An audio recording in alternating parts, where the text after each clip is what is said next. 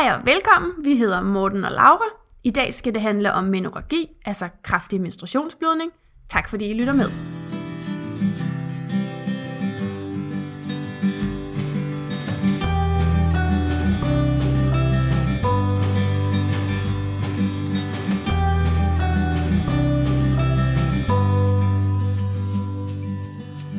Så menoragi, altså de her kraftige menstruationsblødninger i en ellers normal cyklus. Øhm, normalområdet, det er en 30-40 ml, som man bløder over en uge.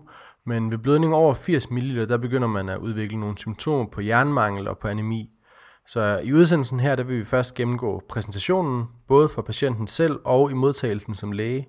Så vil vi tale diagnostik, før vi øh, vender nogle forskellige behandlingsregimer, både konservative tiltag, øh, medicinsk behandling og nogle invasive procedurer. Præsentation for patienten. Patienten er jo så typisk kvinder mellem 15 og 45 år. Der er ikke lavet nogen gode studier omkring prævalensen. Patienten henvender sig typisk med en oplevelse af kraftige menstruationsblødninger. Nogle af kvinderne bløder mere, og andre kvinder bløder mindre end gennemsnittet. Mm. Blødningerne kan give anledning til en stor bekymring om alvorlig sygdom, og andre henvender sig grundet deres anemisymptomer, og det omfatter blandt andet udmattelse, åndenød, træthed ved fysisk aktivitet og hovedpine. Præsentation i modtagelsen.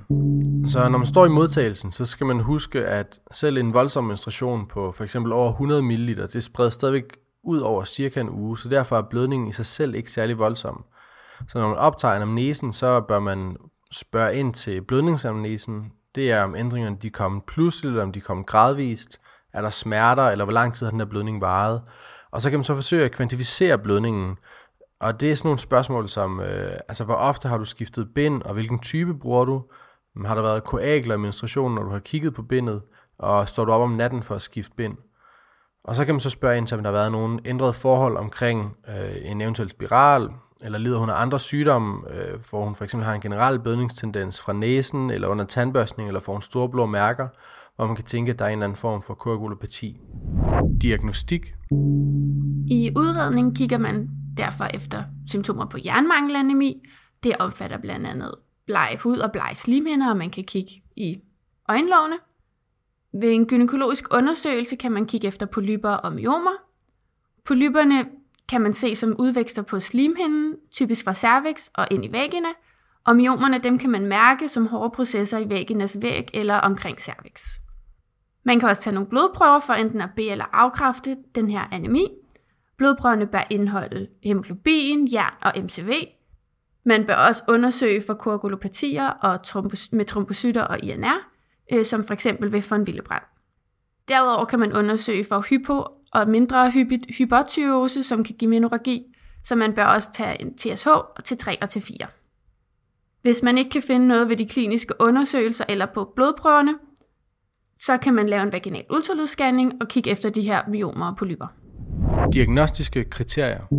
Hvis man så taler diagnostiske kriterier, så er der ikke nogen bredt accepteret skarp diagnostisk grænse for, hvornår en patient lider af menoragi. Det er et symptom, og øh, det er ligesom subjektivt, men der er et sted, hvor man taler om, at mere end 80 ml over en uges menstruation, det er meget passende også øh, deromkring, man begynder at få anemiske symptomer.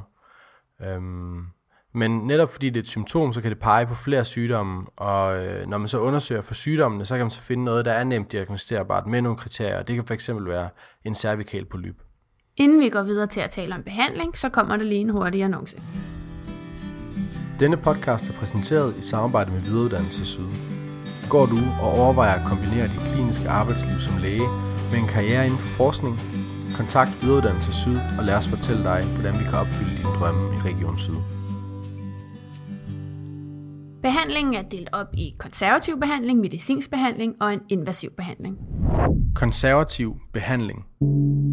Jeg starter lige med at fortælle lidt om den konservative behandling. Og det er altså, hvis der ikke findes lige nogen umiddelbart udløsende årsag til, at patienten bløder meget og oplever de her voldsomme menstruationer, så kan man forklare patienten, at det ikke er farligt, og at man ofte kan opleve de her voldsomme menstruationer omkring menarken og menopausen, og det oftest forbedres spontant indimellem. Man kan anbefale, at patienten tager jerntilskud for at undgå de her anemisymptomer. Medicinsk behandling. Så hvis der findes en udløsende årsag, så kan man både behandle med p-piller eller med en hormonspiral. Og det er altså gestagenet i præparaterne, der gør, at endometriet det bliver atrofisk, og det har vist øh, ret fin effekt. Øh, derudover så kan man mindske blodtabet ved at give tranexansyre eller NSAID, hvor NSAID det er det billigste, men det er dårligere end tranexamsyre. Invasiv behandling.